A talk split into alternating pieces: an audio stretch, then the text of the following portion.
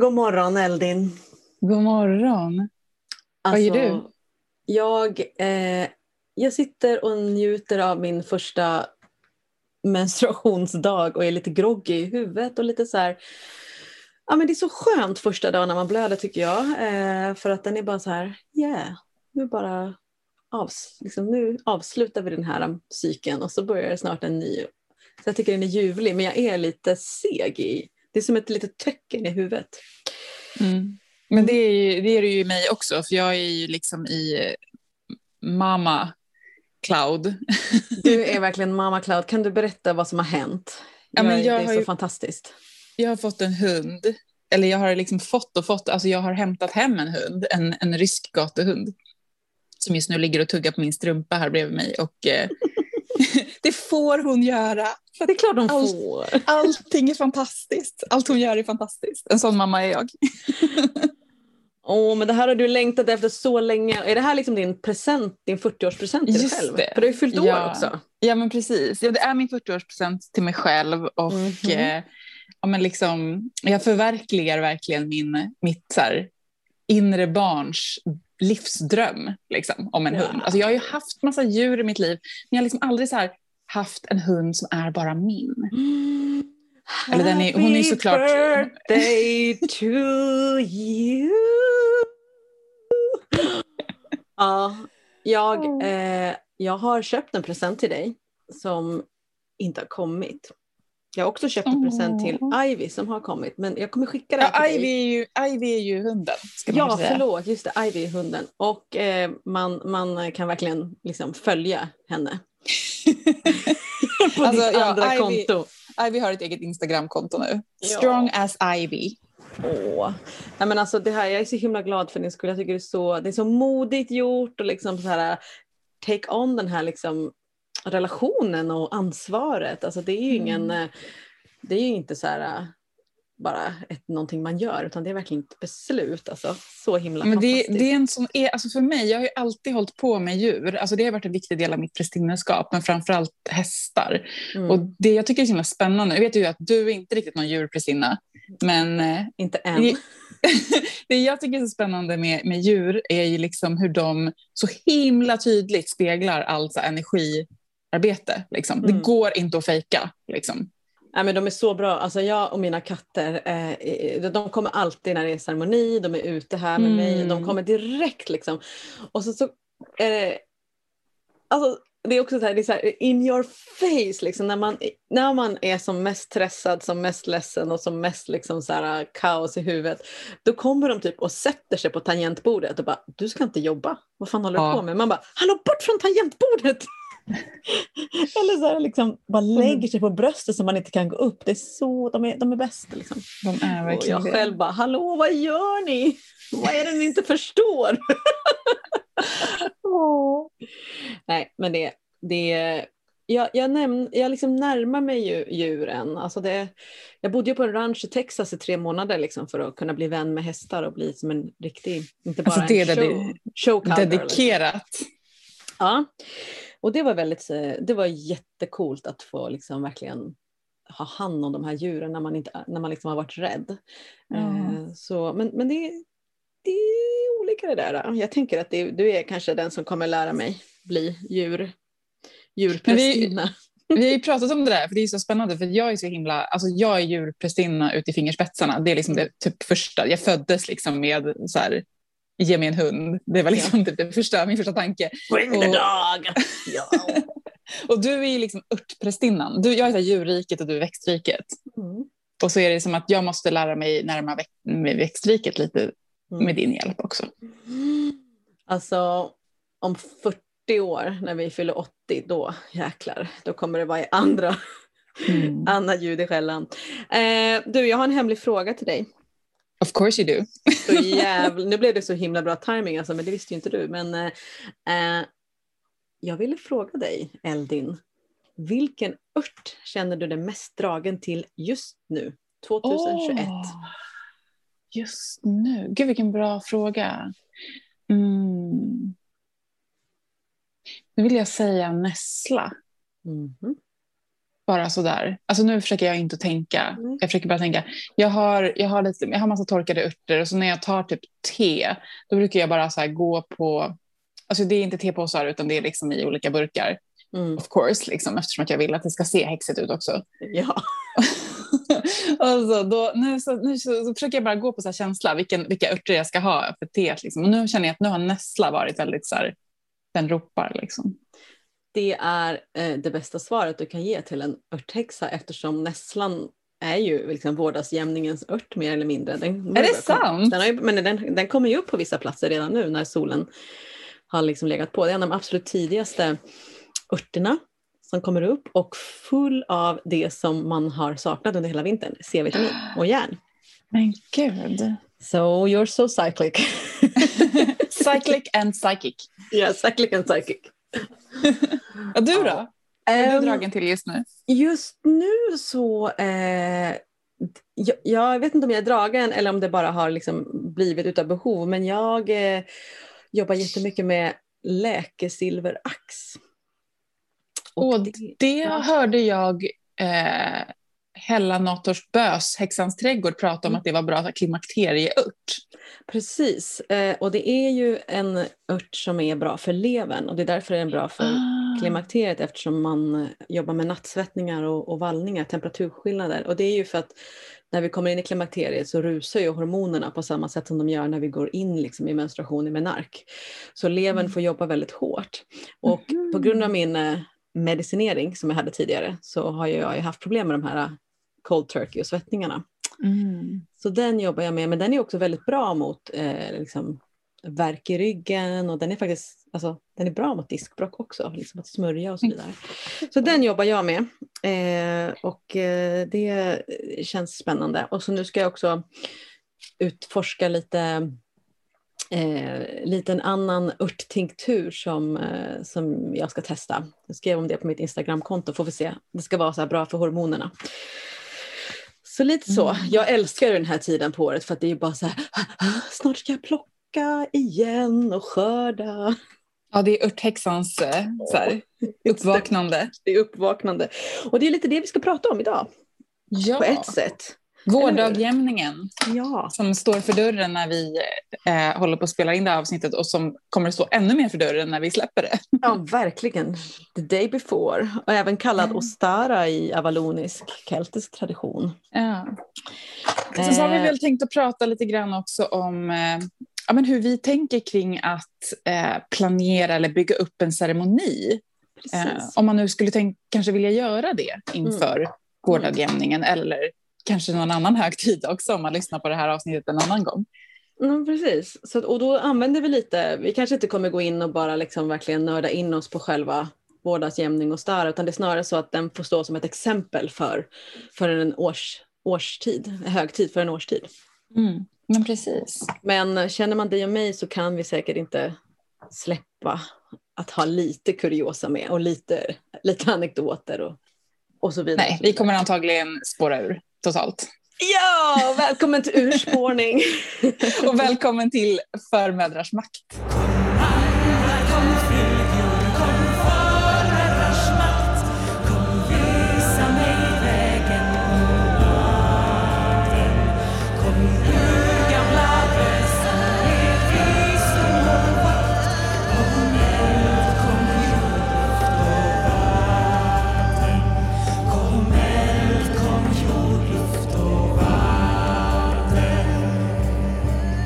Nu låter det inte som att Ivy tuggar på en strumpa längre. Vad är det hon gör nu?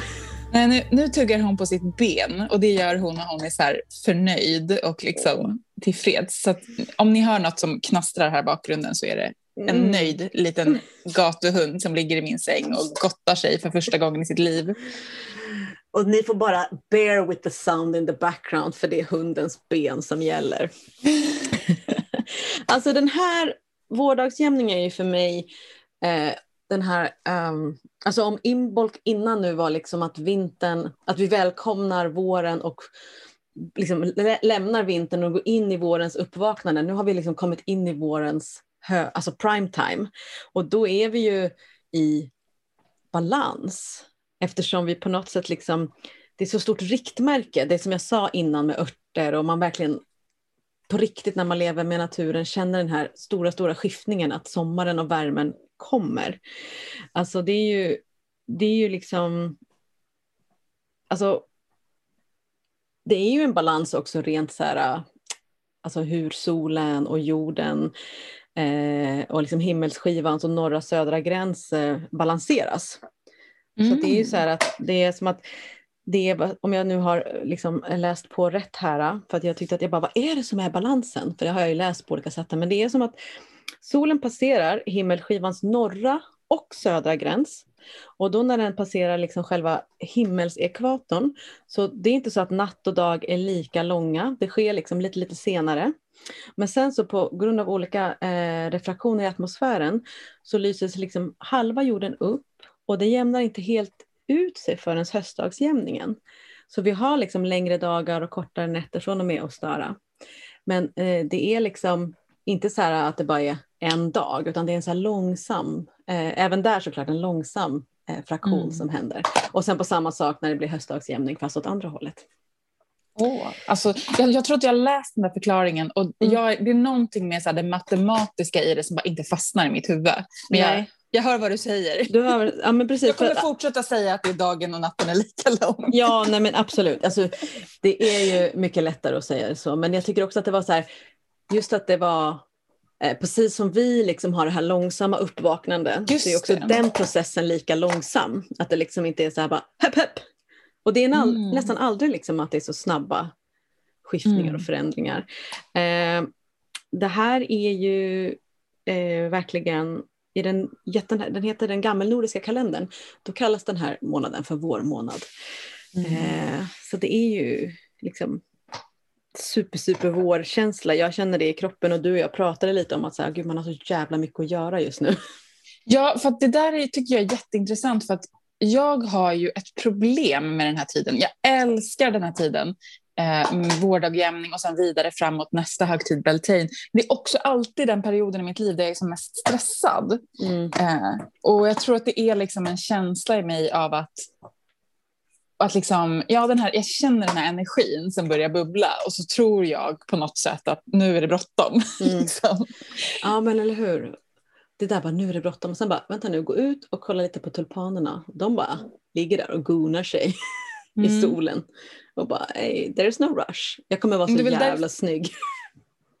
Men det är väl därför det är så himla viktigt också med den här aspekten av att tänka på att vårdagjämningen är ändå inte Alltså det är inte så här, vi är inte vid sommarsolståndet, vi är inte i the full power, vi är no. i precis en mjuk övergång. Mm. Den här, och balansen som vi pratar mm. om så mycket, balansen mellan mörker och ljus, balansen mm. mellan dag och natt och ja. stillhet och rörelse. Liksom. Ja, det är ju så, ja men precis, att, att man nästan liksom förbereder sig för den där fulla expansionen så man inte liksom blir utmattad mm. Eh, och börjar längta till hösten, eh, första juli. Bara, jag vill in i mörkret, jag orkar inte, jag har levererat fullt liksom sen i mars. Men det är spännande för att det elementet som vi i vår andliga tradition placerar vid vårdagjämningen och eh, i riktningen öster, för vi har ju liksom ett sånt hjul som finns på vår hemsida och titta mm. på om man vill, där liksom det finns här korrespondenser mellan eh, elementen, mellan högtiderna och mellan väderstrecken. Då mm. är det ju, det elementet är ju elden. Just det. Och jag tänker att det är så himla, för det är ju verkligen den här energin och allting som sätter igång. Men elden har ju också det här utbrännande elementet i sig. Ja. Liksom. Så att jag tror att det är det jag känner av. Alltså jag är lite känslig för eld. Jag har väldigt mycket eld i mig och jag reagerar på när det blir lite mycket eld. Liksom. Mm. Mm. Ja, men det är det verkligen, att, att man får tänka att eh, Ostara vårdagsjämning är framförallt jordeld. Mm. Det är jordens eld som värms upp och liksom att vi verkligen kan jobba med den, för den är lite mer um, eh, den är lite mer eh, lugn som arketyp mm. och den är lite mer lugn som känsla, att man verkligen kan tänka att det är en, det är en jordeld, en varm eld som sprider sig liksom i hela kroppen och, eh, och hela liksom jorden ehm, som växer upp så att frön och allting kan gro.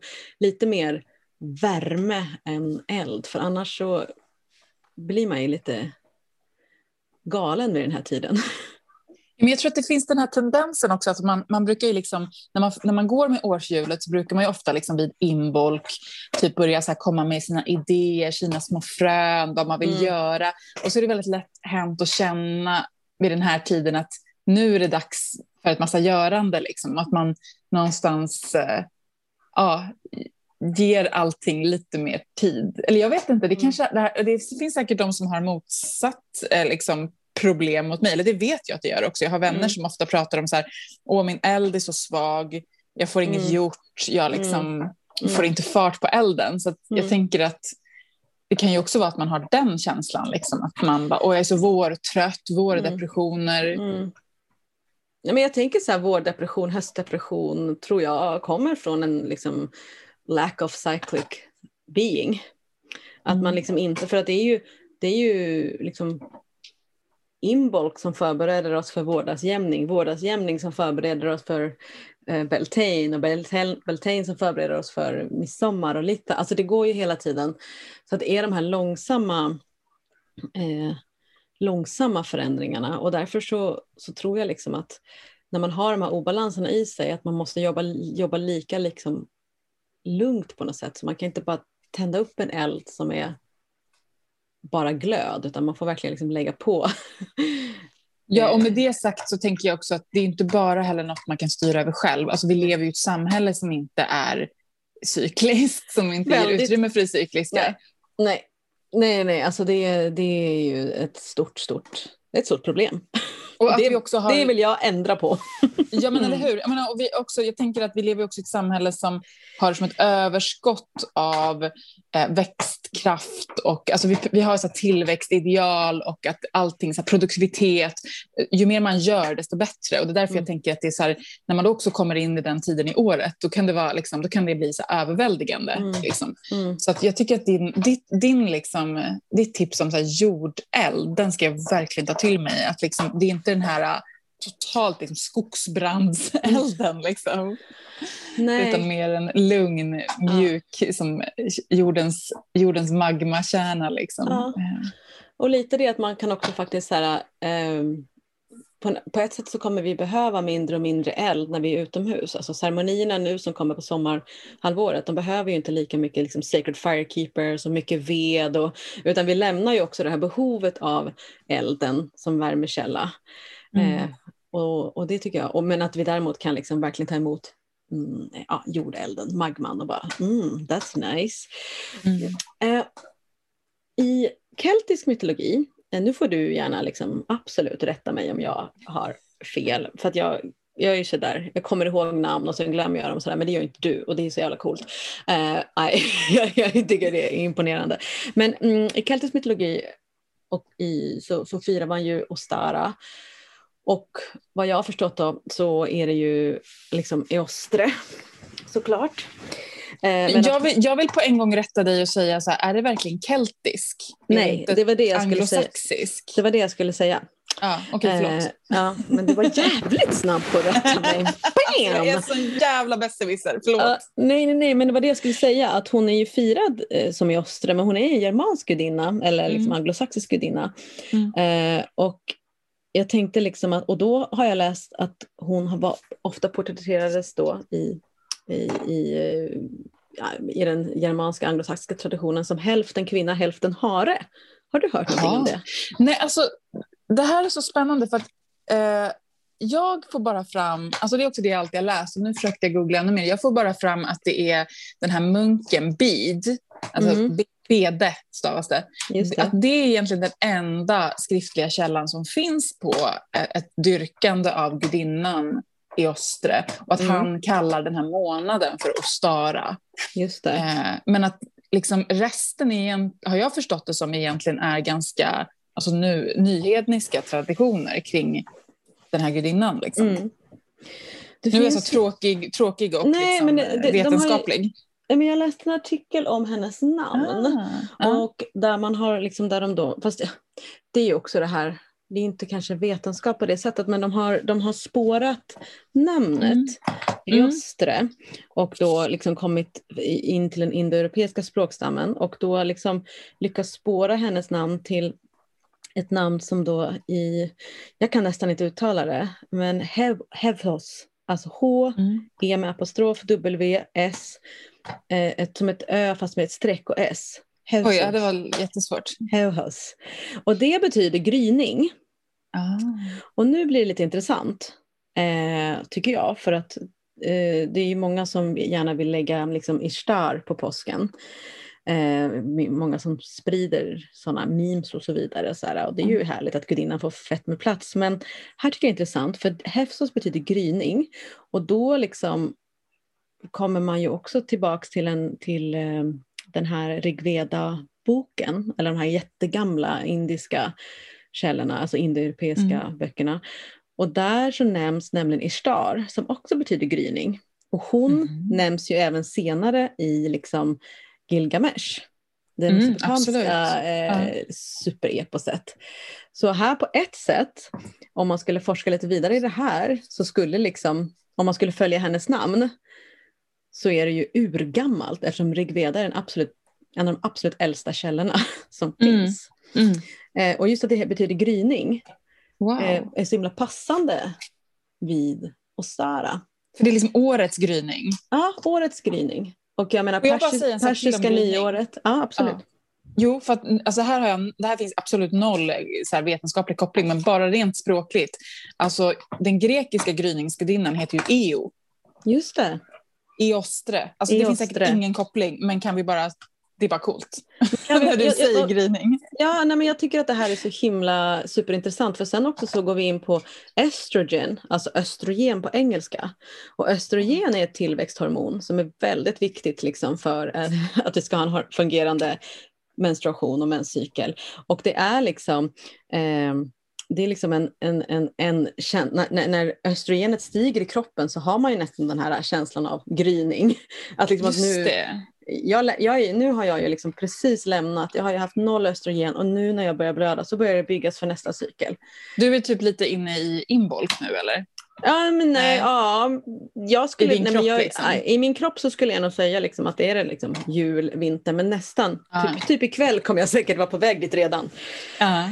Ehm, så att jag tänker bara så här att det är så himla intressant att tänka att om det skulle vara, nu kan vi ju aldrig liksom veta men, eh, exakt, men om det är så, så är det som en väl, då har vi liksom en väldigt stark gudinna och en väldigt stark kraft som liksom inte har lyckats suddats ut sedan urminnes tider.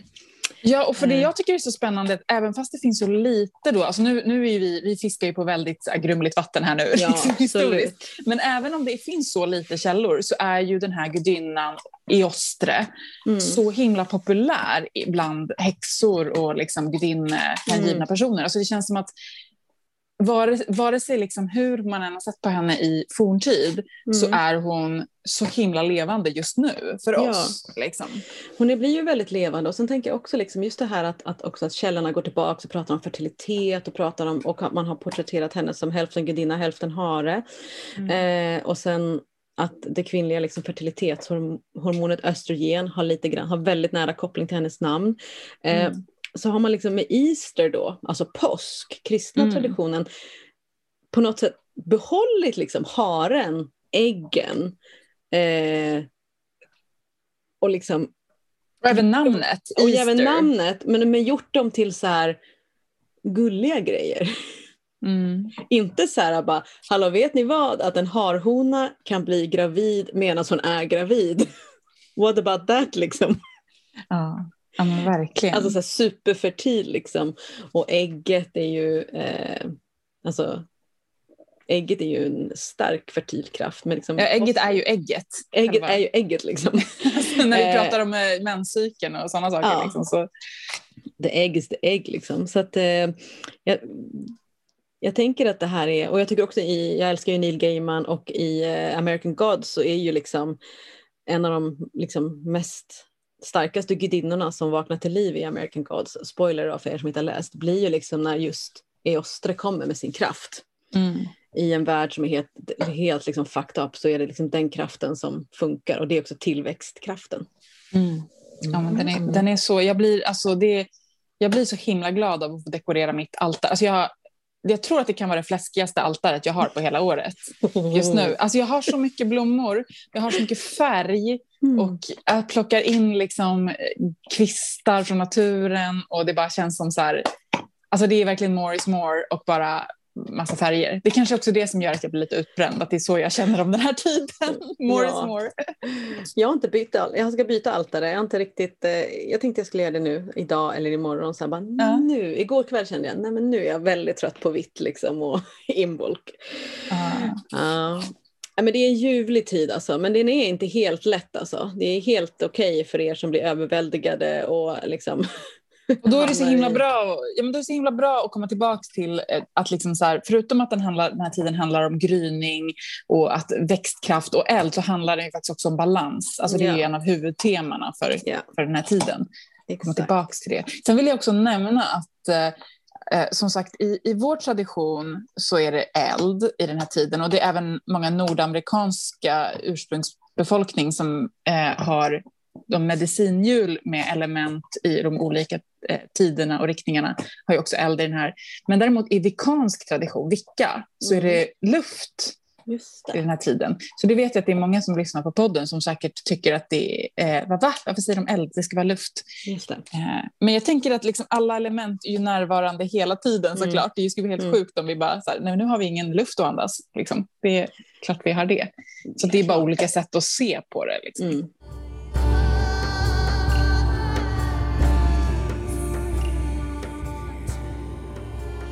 Vi kommer in på det här med folktraditioner. Så, ja, du var ju inne på det här med ägg och harar, men vi har ju också hela den här häxtraditionen runt, eh, runt påsken. Eh, Precis.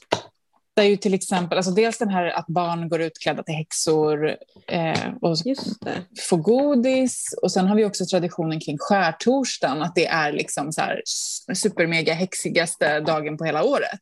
Just det. Ja, Det är väl då barn går runt också i och för sig. Ja, det är då precis. Och vi fick ju faktiskt också en em, fråga om det.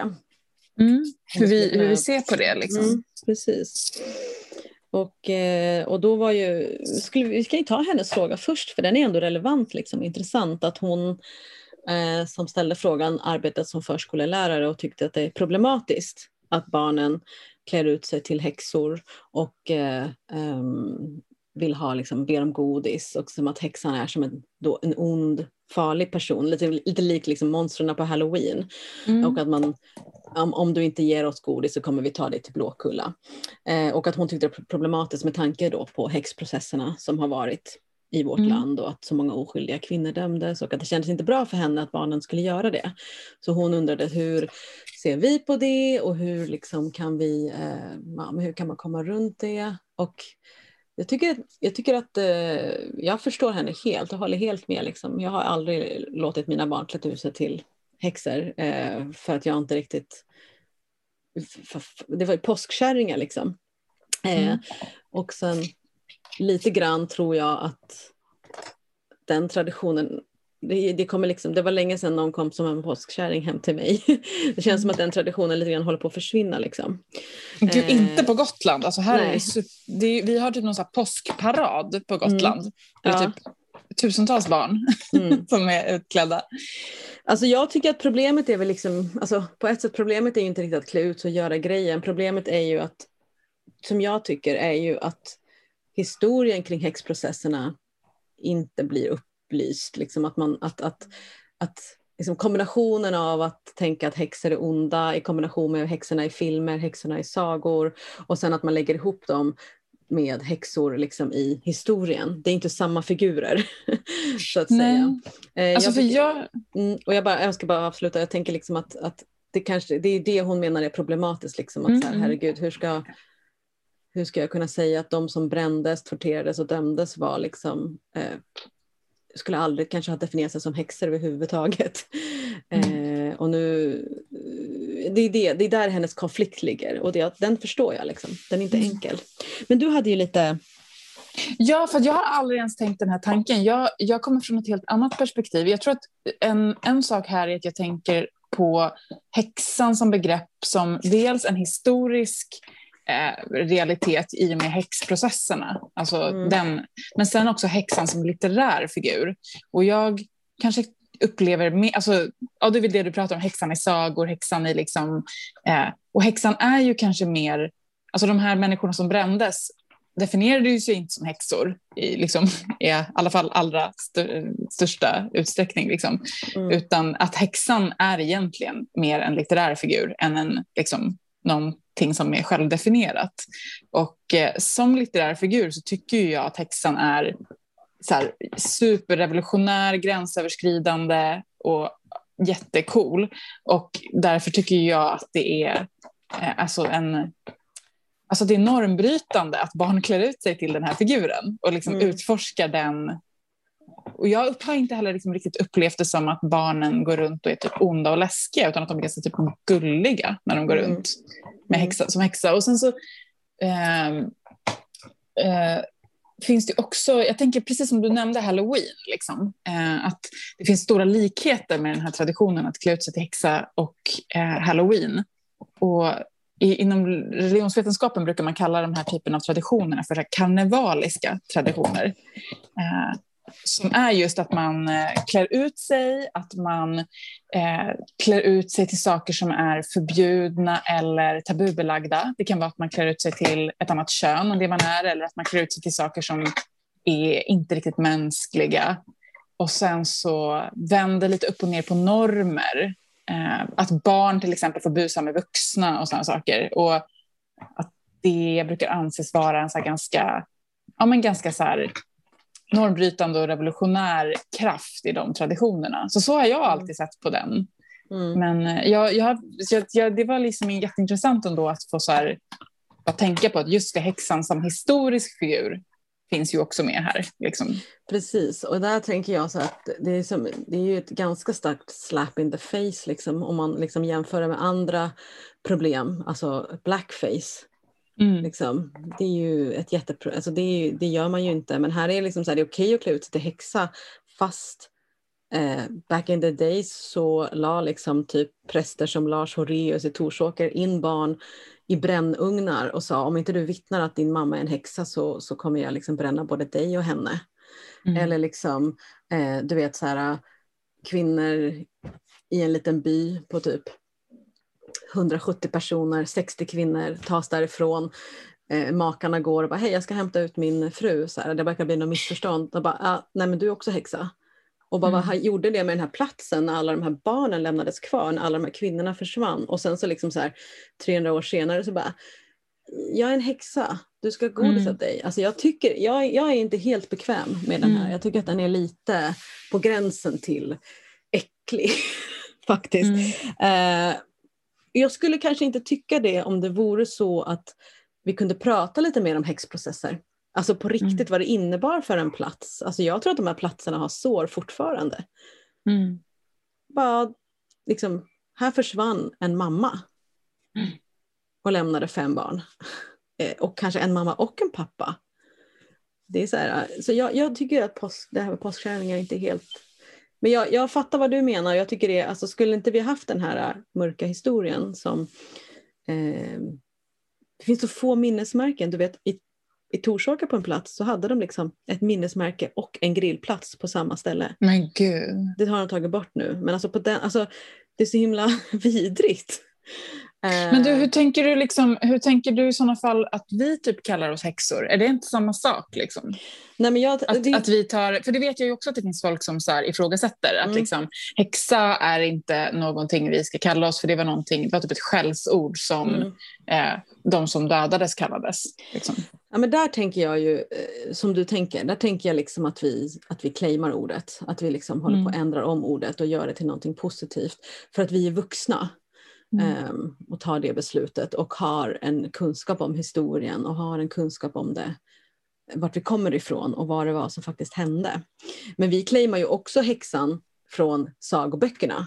Inte mm. som den här sura, äckliga, galna Precis. tanten bara, det är vi också. Men vi är också liksom den sexiga, förföriska och mycket, mycket mer. För sagans häxa är ju ganska antingen eller. Liksom. Mm. Så att vi claimar både sagan och vi claimar historien. Men sen, sen så, eh, det som jag tycker är liksom det problematiska med påskkärringarna är, jag undrar liksom, ett, så vet jag vet liksom inte riktigt när man började med den här traditionen. Men jag tänker att eh, det kan ju också ha kommit för att man ville bearbeta någonting. Mm. You know? ja, men precis. Det var nog det jag ville få fram, Mm. att, att de här karnevaliska högtiderna, alltså det, det handlar ju ofta om typ, som halloween, det handlar om döden, det handlar om Mm. saker vi är rädda för, att, att det liksom är ett sätt att det som annars är förbjudet, att Mm. närma sig det. Och det, det har samma funktion lite grann som typ skräckfilm och så här, att man liksom, ja, ett sätt att, som du säger, att bearbeta liksom. Mm. Eh, så jag vet inte, jag, jag är liksom kanske mer för att, att liksom, ja, kanske då kan man, kan man tänka sig att barnen också får någon slags kontext kring det hela, eller? Mm. Ja, men jag tänker det, för att jag menar, på något sätt så här, mm, Blåkulla liksom kommer ju från eh, liksom, eh, Häxhammaren, eh, den här boken som kanske var liksom startskottet till häxprocesserna i Europa. Mm. Eh, och där så beskrivs det den här platsen då där Satan, Satan liksom kallar på de här kvinnorna. Mm. Och eh, det var ju ofta barn och unga som liksom skulle föras till Blåkulla av häxorna. Mm. Och så skulle de typ så här, alltså allt möjligt liksom. Det, de skulle liksom ligga med varandra. Alltså det var som så här, det låter som så här prästernas fantasier. Allt Mm. som de inte får göra, allt som de är förbjudet, liksom, som kristendomen har förbjudit, det liksom ska de här kvinnorna få representera. Mm. Eh, och allt som hände där på Blåkulla. Så att, jag menar, skulle man skulle man gräva djupare i det så kanske det skulle fin finnas, eh, ja det finns ju flera lager såklart, men, men jag tycker lite grann att vi har misslyckats kanske med så karnevalstämningen i det hela. Mm. Mm. Ehm, och precis kanske på samma sätt som vi misslyckas med karnevalstämningen på halloween i Sverige. Mm. Ehm, Ja, det blir lite så halvhjärtat. Mm. Alltså det, nej, men det är inte löst än, det är liksom inte helt enkelt, men det är mycket som inte är löst än. Alltså, kyrkan har inte gjort en officiell ursäkt, utan det är flera lokala kyrkor som har gått ut och sagt saker. Och det finns inga så här, eh, jag tror att det är Borlänge som, nej men kanske jag säger fel, men det är en, jag tror att det är Borlänge som har gjort kanske liksom en officiellt minnesmärke. Och så, alltså så här, det, det är ändå så här, Mm. jag tror, att, jag tror bara att det viktigaste är att veta att det var liksom kanske kvinnor som stack ut och män som stack ut som brändes. Men sen var det också typ en, en psykos. Liksom. Unga barn som får uppmärksamhet av vuxenvärlden om de säger Mm. att någon är häxa och så bara fortsätter och så vidskeplighet och bla bla bla. bla, bla liksom.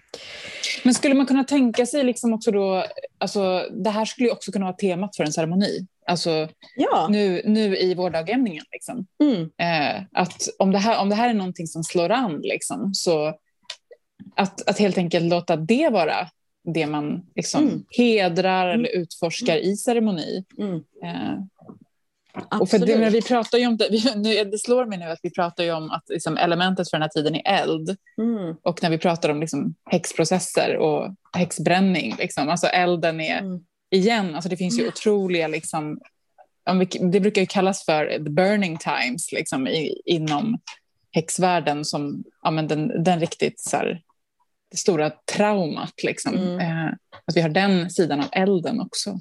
Ja, verkligen.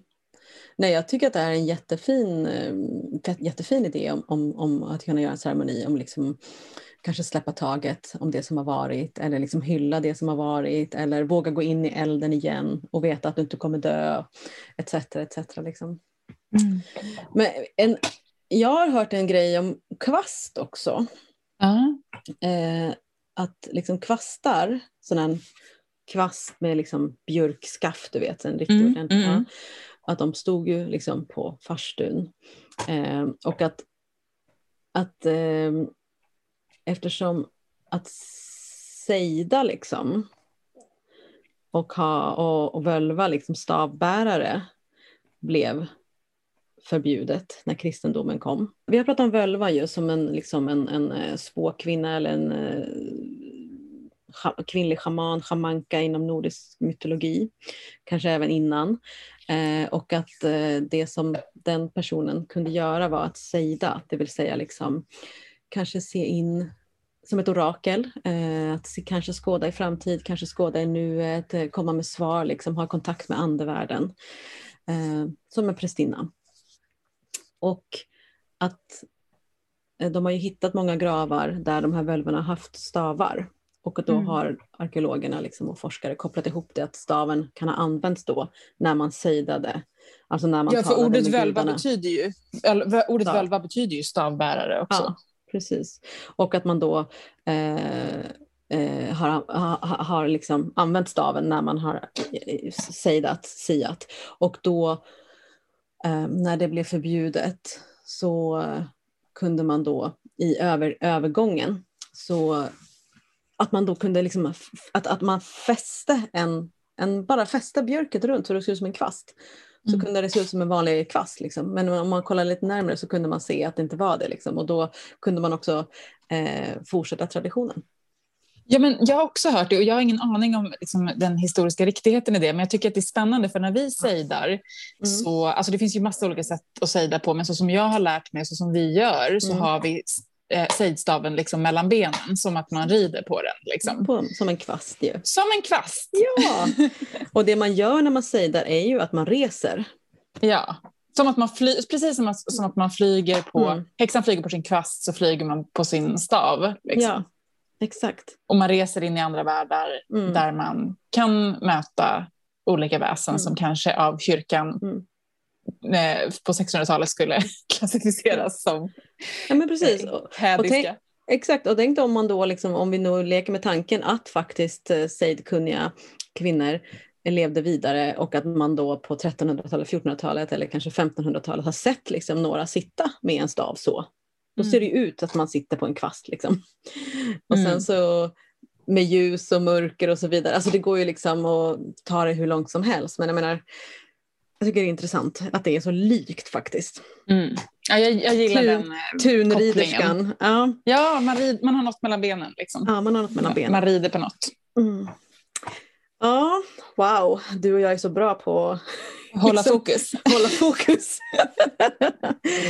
eh, Alltså det är lite det här jag tänker också är som att, att den här typen av Viktigt. brainstorming blir Ja. ju liksom också, alltså det är ju också grunden för när vi bygger upp ceremoni. Alltså Mm. att man, man låter sig liksom, ja, bara låter associationerna kring tiden komma. mm, Och så här, vad inspireras jag av just nu? Och vad Mm. är liksom, det kan ju också vara olika från år till år. Alltså varje Ja. vårdagjämning är ju en ny spiral. Liksom. Mm. ja, men Eh, precis, alltså, som den, eh, den eh, ceremoni som de som är Patreon på Crown-nivå, de får ju en årstidsceremoni i sitt medlemskap. Och i den ceremonin så jobbade ju vi på väldigt mycket med liksom labyrinten eh, som kom till oss. Eh, men det behöver ju inte betyda att liksom, nästa år kommer det vara en labyrint, utan det kanske inte ens är med på flera år. Mm. Så att, eh, det, Men det finns ju jätte- så otroligt många mm, men, teman. Man skulle kunna jobba med äggen, man skulle kunna jobba med Mm. hararna, med solen, med elden, Mm. med eh, fertiliteten, med Mm. häxan. Alltså, Balansen i de fy, fyra elementen, eh, jobba liksom med eh, ljus och mörker. dans, eh, rörelse, mm, stå i blåsten, vara nära elden, lägga sig på marken och så vidare. Så att när man har liksom brainstormat klart kring allting som kanske kan finnas så kommer ju också liksom det, eh, om man håller en ceremoni för sig själv, liksom, vad är det egna behovet? Just det. Eh, och vad vill du göra? Vill du ha en ceremoni helt själv eller skulle du vilja vara med en vän? För det blir ju lite så här olika förutsättningar för ceremonin. Vill du göra det med en vän? Då kan ju du, ett kan man bjuda in sin vän och vara med och liksom skapa ceremonin och drömma fram den. Ehm, eller vill man vara själv så lägger man ju upp ceremonin för sig själv. Men precis, och, och liksom, eh, när, vi, när vi, vi säger att vi drömmer fram ceremonier, det är ofta det ordet vi använder. Ja, och vad vi det. menar med det är väl liksom att, att det inte är något vi tänker ut. Det betyder inte att vi liksom ligger i sängen och drömmer på natten, men att, liksom, att ceremonin får komma lite mer intuitivt. Liksom att, att vi inte nu så här aktivt bara vi väljer ett tema, utan att man kanske snarare så här, nu har vi brainstormat, låt oss sätta oss och trumma eller meditera och ja, men mer känna vilken av de här olika sakerna är det som lockar mig och drar mig. Mm. Och så vad får jag upp? Kanske ser bilder i huvudet. Jag ser att jag tänder en eld eller jag ser att jag planterar ett frö. Alltså Mm. det kanske kan vara att man låter det komma på det sättet. Liksom. Ja men verkligen. Och eh, man kan använda trumma om man vill, man kan använda skallra, man kan använda någon förinspelad musik som man kanske har, eller man kan bara ha tyst. Liksom. Uh, och de här bilderna som man får fram, drömmarna, de är ju sen att vad, vad av det kan man skapa ifrån? Mm. Uh. Ja, där, tänker jag, där tänker jag att det är som med alla kreativa processer. Mm, I det här stadiet av en kreativ process, så i det stadiet liksom, så gäller det att lägga bort all kritik. Alltså, sen kan man börja fundera på så här, men vad, är, vad är fysiskt möjligt, blir det här för mm. mycket? Lalala. Men att man liksom när man verkligen tillåter alla de här bilderna, idéerna att komma och inte så här, för jag vet att jag själv i början väldigt mycket, särskilt när jag gjorde drömde ceremonier med andra och så skulle man efteråt säga så här, okej okay, vad såg ni? Så vågade mm. jag typ inte säga mina idéer för att jag typ tänkte så här, de var dumma liksom. Så väntade jag tills andra hade sagt och så hade de typ sett precis samma sak som jag mm. och så var jag så här, mm. varför sa jag inte det? Ja. Så att liksom att först eh, verkligen bara så här, även om det någonting verkar dumt, liksom bara, men plocka upp den idén. Mm, liksom. Mm.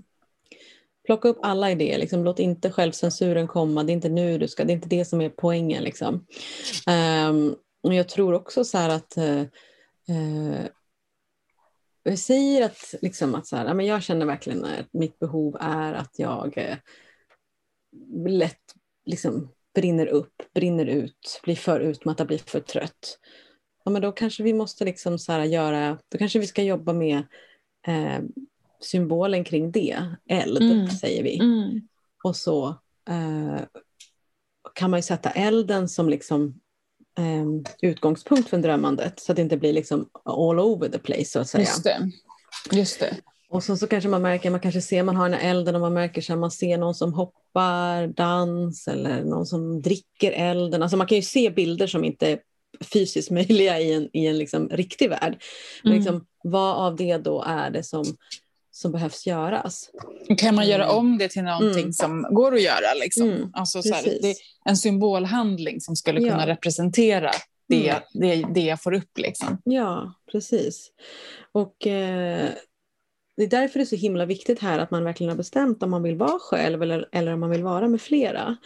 Eh, för att då, då har man ju olika, vi säger så här, om man ska dricka elden, ja, men okej, hur gör vi det? Så här, ja, okej, men vi kanske ska liksom ha som någon symbolisk liksom, dans eller vi ska ha någon symbolisk liksom, mugg.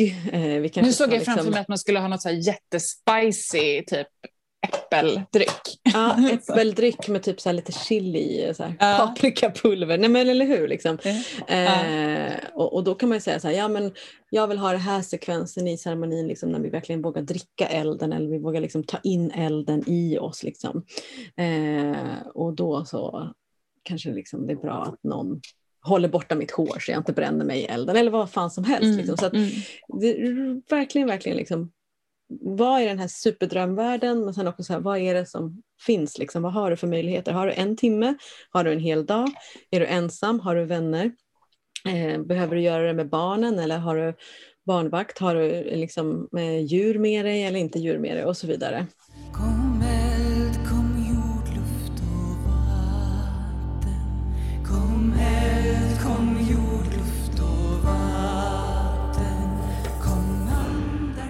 Det tipset som jag vill skicka med till alla som nu sitter och så här superpeppade på att skapa en ceremoni, kanske för första eller andra eller tredje gången eller någonting sånt, är ju att eh, man kan faktiskt tänka att less is more. För att jag minns mina första ceremonier, alltså de var så avancerade och jag hade såna, alltså det var så många olika moment och det var så otroligt så här, Alltså jag trodde verkligen att liksom det måste så hända jättemånga olika saker och sen så känner jag mer och mer så har jag börjat så här, det kanske är en sak jag gör mm. i ceremonin och att det kan, är mycket mer så här, att det handlar mycket mer om att göra en känsla och verkligen landa i handlingen, känna den. Eh, så att man inte liksom får någon slags prestationsångest i vanlig ordning, som man ju alltid får, känns det som. Jag i alla fall. Ja, Över att det ska vara liksom så här, ja, det måste hända massa olika saker, det måste vara massa olika moment. Liksom. Mm. Ja, men vi, I min cirkel, mitt lilla coven, vi har nästan en sak som vi har börjat göra på nästan alla ceremonier. Då kan man vara så bara, gud vad tråkigt, har vi inga idéer? Men vi bara älskar att göra den grejen och det är så här, varför krångla till det? Och det är typ att vi, alla ceremonier när vi har eld, så har vi gjort så att vi liksom har gjort så här giveaway till elden. Alltså dels att man, liksom, man sitter med typ pinnar och bara lägger i elden och så säger saker som man släpper taget om i den här i den här årstidsväxlingen och sen har vi mm. örter som vi lägger in i elden med våra typ önskningar och blessings. Mm. Eh, och det är så här, passar typ i alla, i alla årstider liksom. Så Nej, men det är, ja, alltså, man måste inte krångla till det. Nej, nej, nej, men jag tror det är, jätte, alltså, det, det är ett bra råd till allt som man gör i livet, liksom, att less is more. Så att, att liksom, du kan också, lika väl som du kan verkligen så aktivt söka upp en, ett naturreservat eller en kraftplats nära dig så kan du också likväl bara gå ut till närmsta parklek eller parkeringsplats om det skulle vara så. Mm. Alltså så här, det, jorden är under oss vart vi än är, även om man är i en urban miljö, även om man kanske inte ens kan ta sig ut eh, på grund av, av, situationen. Liksom. Och då kan man vara på balkongen. Så det är liksom hela tiden det där eh, Make it work. Ja, yeah, make it work. You want to go all in? Ja, men gå all, all in. Liksom. Du kanske vill ha det med fyra personer. Du vill ha en, en, i, en i norr, en i söder, en i väster, en i öst. Ja, men fixa fyra personer och så kör det. Liksom. Det, är liksom, det är lika bra som att man bara är själv och gör en mindre grej. Alltså det är så här, what do you need? What vill, vad vill du ha för någonting? Eh, ett annat tips som jag också vill skicka med om man blir så här, ah, om jag har inga verktyg liksom, jag kan ingenting, jag vet inte, vadå giveaway, alltså vadå så här, så bara, ja, så dels så finns det ju, och det är det som är så skönt, det finns verkligen ingen regelbok. Du skapar din ceremoni så som du vill ha den.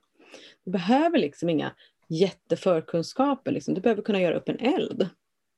Eller du kanske behöver liksom kunna, eh, kunna liksom tända ett ljus om du inte kan göra upp en eld. Alltså, det kan verkligen vara på den nivån. Men att du då liksom, utifrån ditt behov, utifrån årstiden du är, utifrån vad som eh, du har fått upp i dina drömmar så skapar du den ceremonin. Så man behöver liksom inte ha en, en trollstav eller en sejdstav eller eh, jättemycket mystiska rökelser och anointment oils, mantel um, och så vidare. Och så vidare. Eh, däremot så vill jag ändå i det liksom säga att vad man inte får är att det, det är ju väldigt, det är väldigt skönt när man skapar en vacker plats. Mm. Um, man kan liksom göra ett altare utomhus av det man hittar eller så kanske man har köpt några blommor som man tar med sig och ställer ut eller några ljuslyktor och så vidare. Eh, så det blir ju väldigt... Det, det, finns någonting i kombinationen också att skapa skönhet. Ehm, eller skapa det du vill. Eh, försöka visualisera det som du vill arbeta med. Liksom. Har du balans kanske det är jättebra att försöka hitta en labyrint eller skapa en labyrint eller något.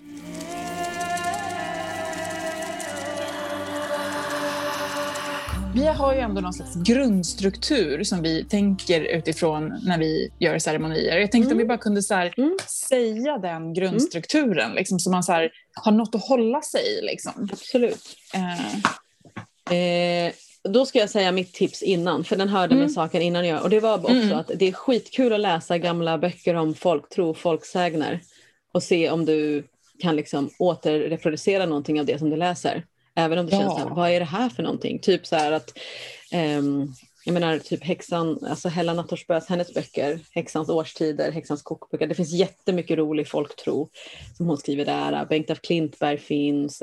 Ja, det finns hur många böcker som helst liksom, som tar upp så här folktro magi. Så man faktiskt säger, mm. men det här kanske jag kan tänka mig göra. Springa barfota, mm. eh, dansa för solen och så vidare. Så där. Ja. Jättebra tips. Ja. Mm. Det var inte så bara. Nej, det var inte så bara. Men ja, grundstruktur. Okej. Okay. Mm. Vi har inte övat in det här eller någonting utan jag bara förutsätter att ja. som prästinnor så kan vi det här. Ja absolut. Nej, men jag, jag gör det ju jätteenkelt för mig. Jag säger bara så här, eh, början, mitten, slut. ja okej, okay, så början på typ alla ceremonier. Mm. Eh, jag skulle säga att det typ allra första jag brukar göra och så, det är ju att grunda och centrera. Mm.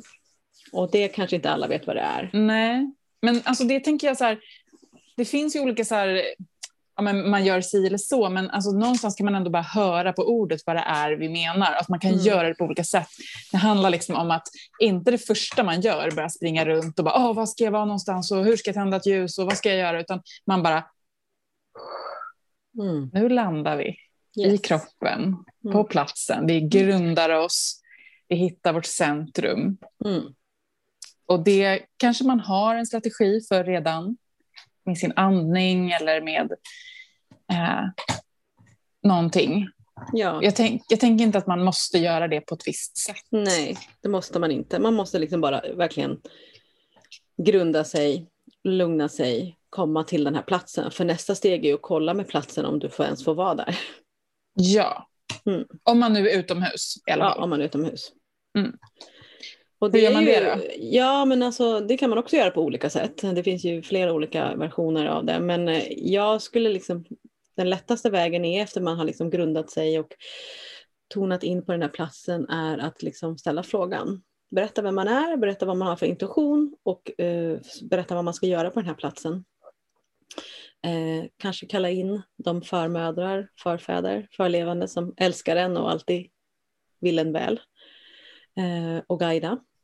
Men man gör det ju inte bara för att liksom kolla med platsens väktare och rådare och förmödrar. Man gör ju också det för att kolla att det inte är något djur som ligger och sover eller att det är liksom ett fågelbo mitt där eller att ja, men här är det liksom flygplan som åker varje dag. Alltså så här, det är ju också, det är också att kolla liksom alla världar. Mm. Och där liksom när, när man säger så här, fråga platsens rådare, fråga förföräldrarna på platsen, så eh, vi har ju pratat lite grann förut om hur man kan typ lyssna in på de Mm. svar man får. Det kan komma som en känsla, det kan komma som bilder. Man kanske bara har en känsla i kroppen av att nej men jag vill härifrån. Liksom. Mm. Då, kanske, då tycker jag man ska gå på den känslan. Liksom. Ja, alltså, Precis. Precis. eller så kanske man får upp ibland så här, en, en tanke som är så här, ja, var här, men det är jätteviktigt att du tänker på det här. Typ. Mm. Eh, det är jätteviktigt att du tänker på att eh, inte sitta precis på den här stigen, för här kommer en person gå. Eller Mm. någonting, liksom. Eh, så bara känna efter vilka impulser och liksom, tankar som dyker upp när man tonar in så på platsen. Och bara, vad, vad finns det här och vad vill den här platsen? Mm. Den kanske ber om någonting. Typ. Mm. Du får jättegärna vara här, men jag skulle vilja ha det här. Eller någonting. Ja, nej men verkligen. Och sen när man får vara där så, så är det ju viktigt då att ha med sig något, liksom, något litet offer som du och Olof hade med er sist. Just det, det var Eh, inte ett litet människooffer, utan det var för att förtydliga. Ja, men det kan vara liksom, någon, någon, eh, liksom en offergåva till den platsen ehm, som, som man ned, kan brytas ner i naturen. Mm. Ehm, ja. Sen brukar vi ju göra någon form av liksom altarspace, eller så centrum, alltså centrum för den här ceremonin. Alltså att Mm. man kanske, eh, ja, men om man har med sig någon, någon sak eller några saker, eller man kanske bara typ hittar någon fin kotte och löv eller vad man Mm. nu vill. Liksom så här, okay, Mm. här, här är våran, vårt centrum. Liksom. Ja.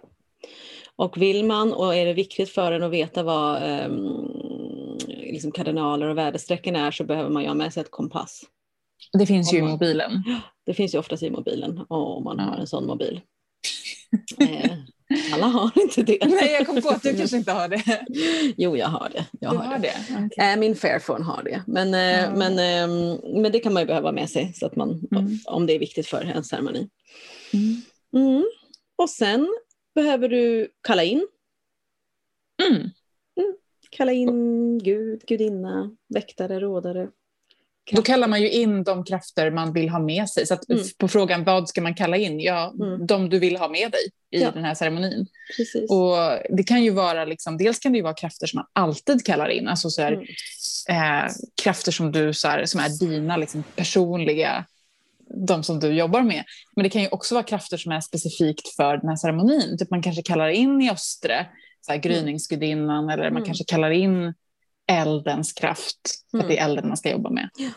Ja men precis. Och där, jag kan tycka att, att det är alltid bra att tänka att man alltid ska liksom kalla in jag brukar alltid kalla in som ett extra skydd eh, eller beskydd då de som älskar mig och alltid kommer älska mig eller vill mig väl. Ehm, Så att jag liksom vet att inte att om jag kallar så kommer allt liksom. Jag kanske inte inte är redo Mm. för det. Ehm, och sen kan ju då i den här inkallningen kan man ju ta då sin mening med varför man gör den här ceremonin. Ja. Så, som, du- som du säger där med elden, liksom så här, ja, jag kallar på dig, bla, bla, bla, och jag kom här med elden för jag behöver lära mig att hantera din kraft. Just det, att man inte liksom bara kallar på elden lite allmänt utan Nej. att man också pratar om så här, kom elden med Mm, och sen så vad vill man att elden ska komma med? Liksom. precis. Eh, eller kom i östre Mm. med. Mm. Det är jättebra. Det, För då får man också liksom på något vis sätta ord på precis varför man står där liksom, och vad det är man vill jobba med. Ja, alltså, och liksom med, med gudinnan, alltså, you need to be specific, inte allmän. Vill du ha liksom så här, du ber om överflöd, jaha, så fick du överflöd av arbete, fast du vill ha överflöd av pengar. Liksom. Ja, men vad fan. Mm. Ja. Mm. Fick, Ja, sen de fick less liksom, istället för pengar.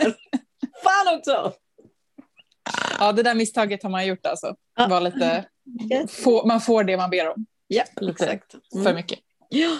Och sen har man kallat in och då är ju, då, alltså då brukar ju vi ofta, alltså innan man kanske bara går rakt in och gör de här typ symboliska handlingarna som man har tänkt, så brukar ju vi väldigt ofta typ, man pratar om så här, raise energy eller liksom bygga upp en viss kraft liksom, så att man har någon slags eh, magisk kraft att lägga in i den här symbolhandlingen man ska Mm. göra.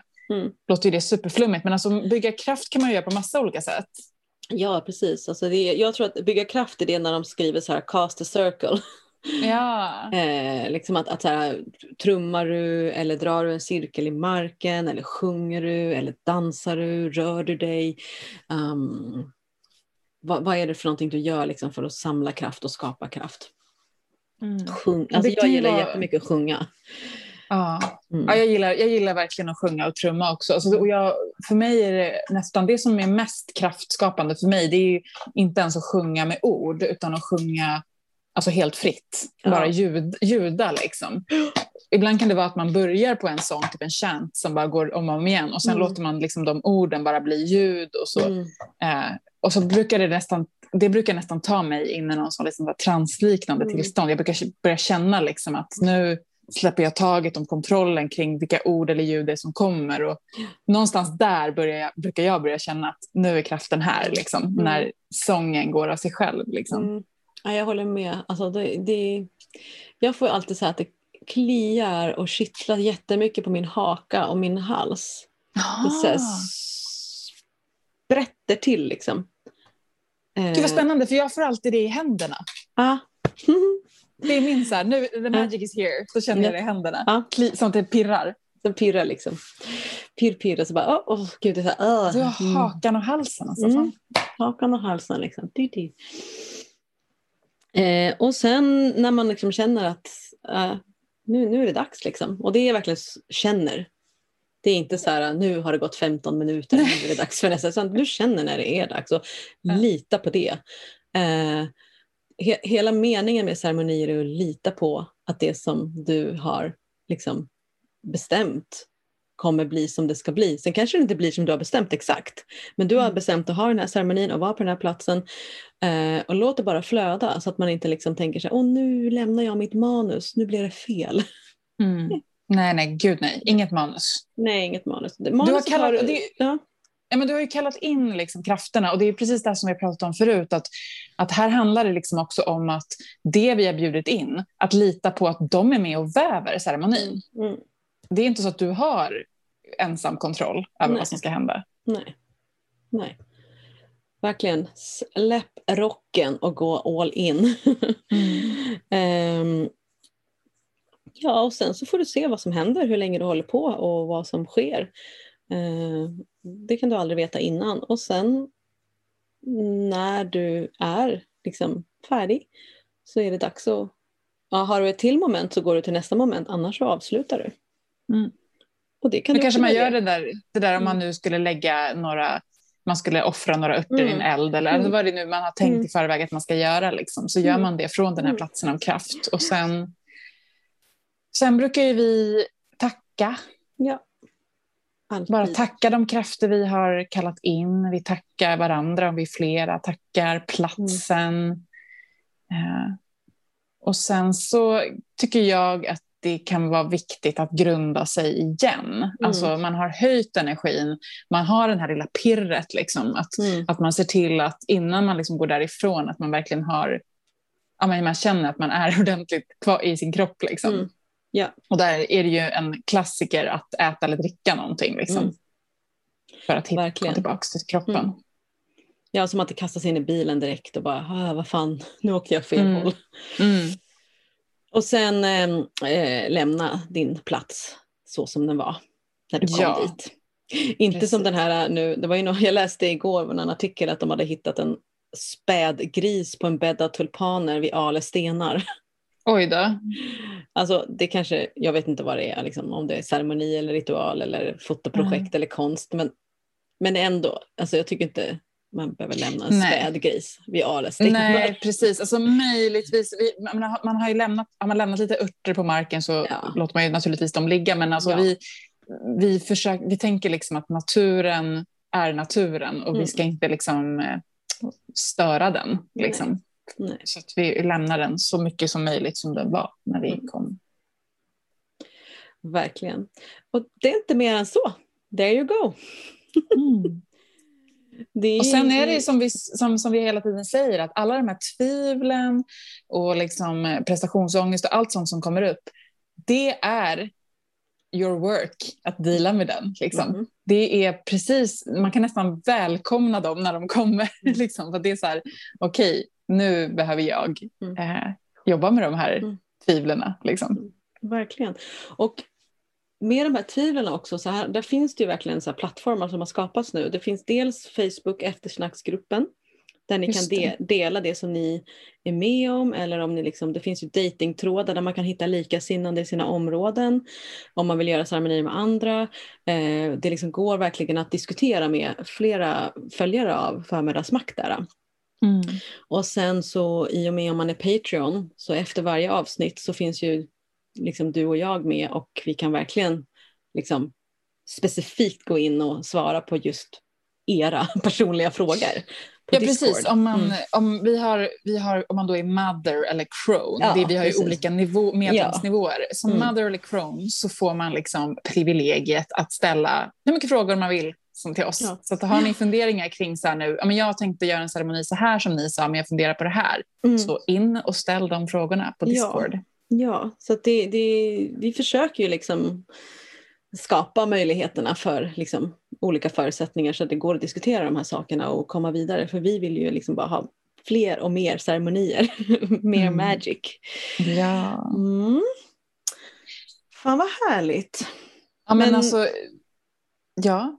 Jag tänkte bara apropå Patreon och så, alltså varje avsnitt från och med förra avsnittet så eh, drar ju vi en Patreon eh, som vi hyllar genom att vi eh, tonar in och drömmer eh, om ett väsen, mm, historisk person, gudinna, gud, sagodjur etc.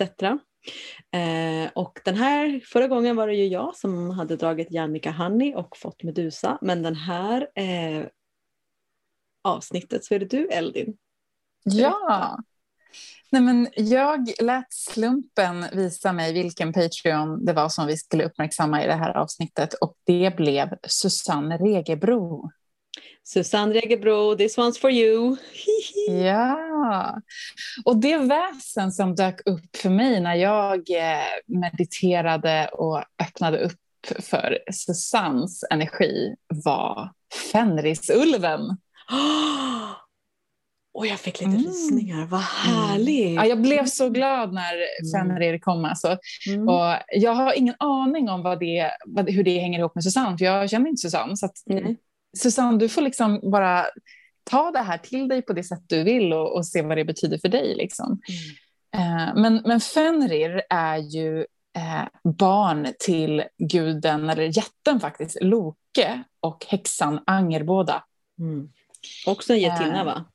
Ja, men precis. Mm. Och, och liksom, men Loki i sig har vi ju pratat om som en sån otroligt queer och gränsöverskridande varelse. Mm. Och det finns lite olika versioner om hur eh, det här födseln av Fenrisulven tillsammans med då Midgårdsormen och Hel faktiskt, hur den går till.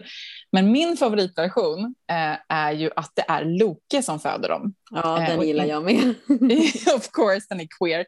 Och det är ju helt enkelt att Angerbodas blir bränd eh, och Loke äter upp hennes brända hjärta. Och det hjärt- brända hjärtat befruktar honom så att han föder de här varelserna.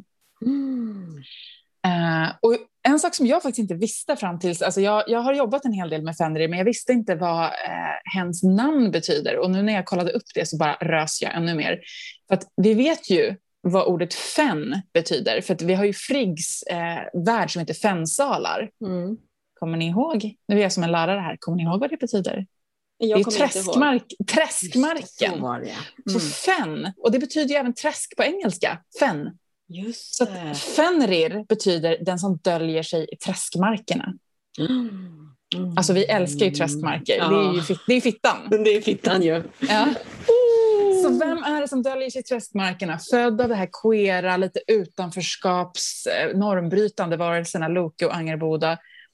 Men det är ju den här vargen som, eh, som är, liksom, det är inte bara en varg, alltså han, han kan ju prata, han pratar ju med gudarna i myten liksom och Mm han hänger där. Han är liksom en, ett väsen bland asar och vaner.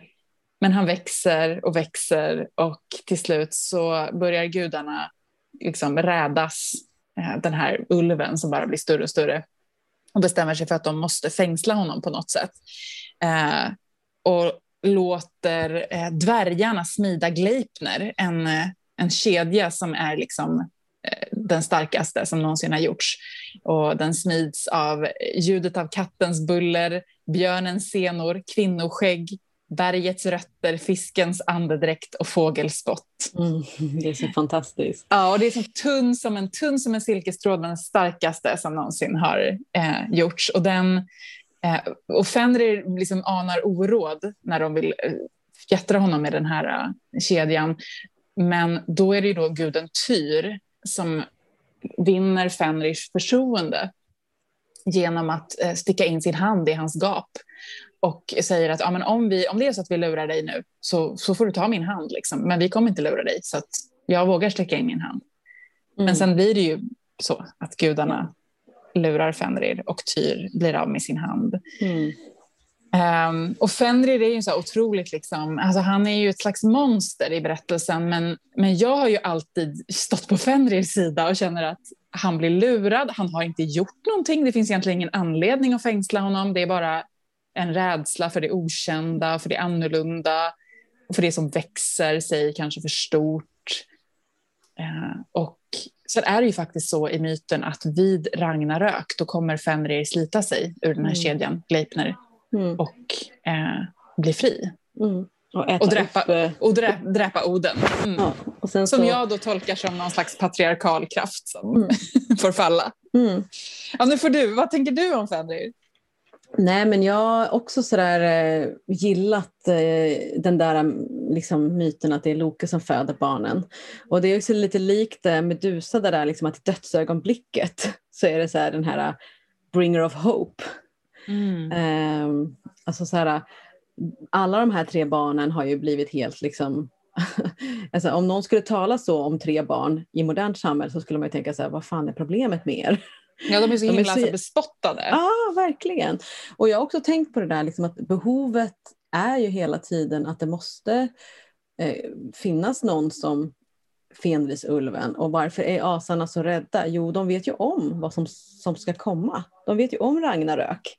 Mm. Och de vet ju om liksom, eh, att, att, att Fenris är farlig. Och ju, ju mer de liksom, liksom låter honom växa. De kan, de, alltså jag tror på något sätt har de förlikat sig med att de inte kan eh, göra någonting åt sitt öde.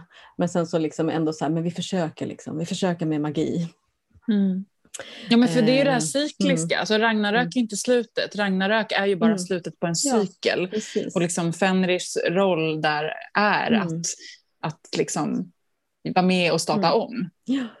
Och jag tycker också att Fenris är så här var inte rädd för hur stor och mäktig du kan bli och Mm. ingen kedja kommer kunna kättra dig vad de än gör en av.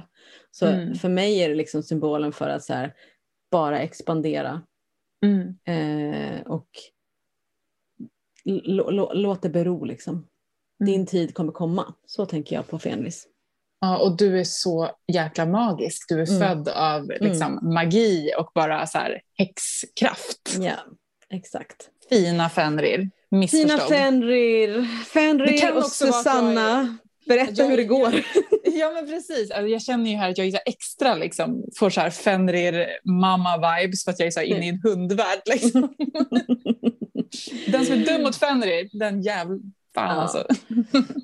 Nej, men jag, jag tycker också så här, det är lite kul att vi hade Medusa förra gången och så kom liksom Fenrir nu. Det är de här, liksom så här som har blivit så här monstruöst eh, eh, Missförstådda och Ja. misstolkade. Mm. narrativet kring dem är så, man bara det här kan inte vara sant liksom. Apropå Mm. häxprocesser liksom och så vidare. Mm. Eh, Ja så men eh, Susanne, fint för dig. Du fick ett, ett av våra favoritmonster här. Ja, och eh, skriv gärna på Patreon och berätta hur det har gått eh, och kanske med Fenrir och vad du tycker om Fenrir och så vidare. Ehm, vi ska sluta nu. Eh, vi finns på förmödrarsmakt.com där det är mycket mer eh, officiell hemsida men där finns en massa källor, anteckningar och länkar och så vidare.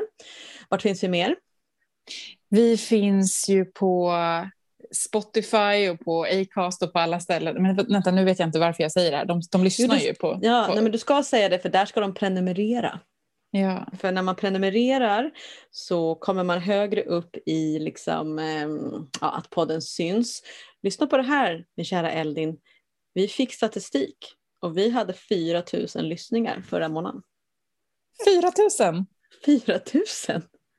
Det är helt sjukt. Ja. Det är ju helt Nu har jag, i fantastiskt. för sig, jag har i och för sig lyssnat själv tre gånger men jag vet inte hur många gånger du har lyssnat. 3997! Ja. ja, nej, men jag har inte lyssnat tre gånger men jag lyssnade en gång. ja, det är Eh, fantastiskt. Mm. Så det är skitroligt. Så att prenumerera, ge oss ratings så vi syns. Vi har ju fortfarande målet att bli number one i podcast andlighet och religion. Mm. Ehm, sen finns vi också på eh, Facebook, eh, Förmödrarsmakt eftersnacksgruppen. Och eh, på Patreon Mm. som är väldigt nytt. Och vill man verkligen få sig en riktig genomgång av vad alla nivåer och alla medlemskap och allting där innebär så rekommenderar jag att lyssna på förra avsnittet, avsnitt eh, 11. Mm. Så eh, men gå in på Patreon, alltså det är verkligen massa fördelar. Och vet du vad jag har lyckats eh, fixa? Nej. Jag har faktiskt lyckats fixa att eh, Patreons ehm, från Lover och uppåt nivå får eh, 20% hos Lunatic by Ravenstar. Det vill säga alltså en jättefin eh, svensk häxaffär Mm. som finns online. Hej! Oj. Ah. Okej. Var det bara det du skulle säga? Okej. Hörde du Eldin? Moltes slime väger 100. Bra att veta. Ja. Vi kanske slutar där då. Okej, men 20% på Lunatic by Ja. Ravenstar. Ja, Eh, absolut.